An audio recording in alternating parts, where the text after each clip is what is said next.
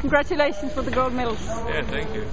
Can you tell a little about how you experienced this whole tournament for you guys? Uh, oh, it's- it's been great. I mean, this is my first time to Denmark. Uh, it's a nice place. Uh, the facility's great. So, yeah, I had a had a really good time here.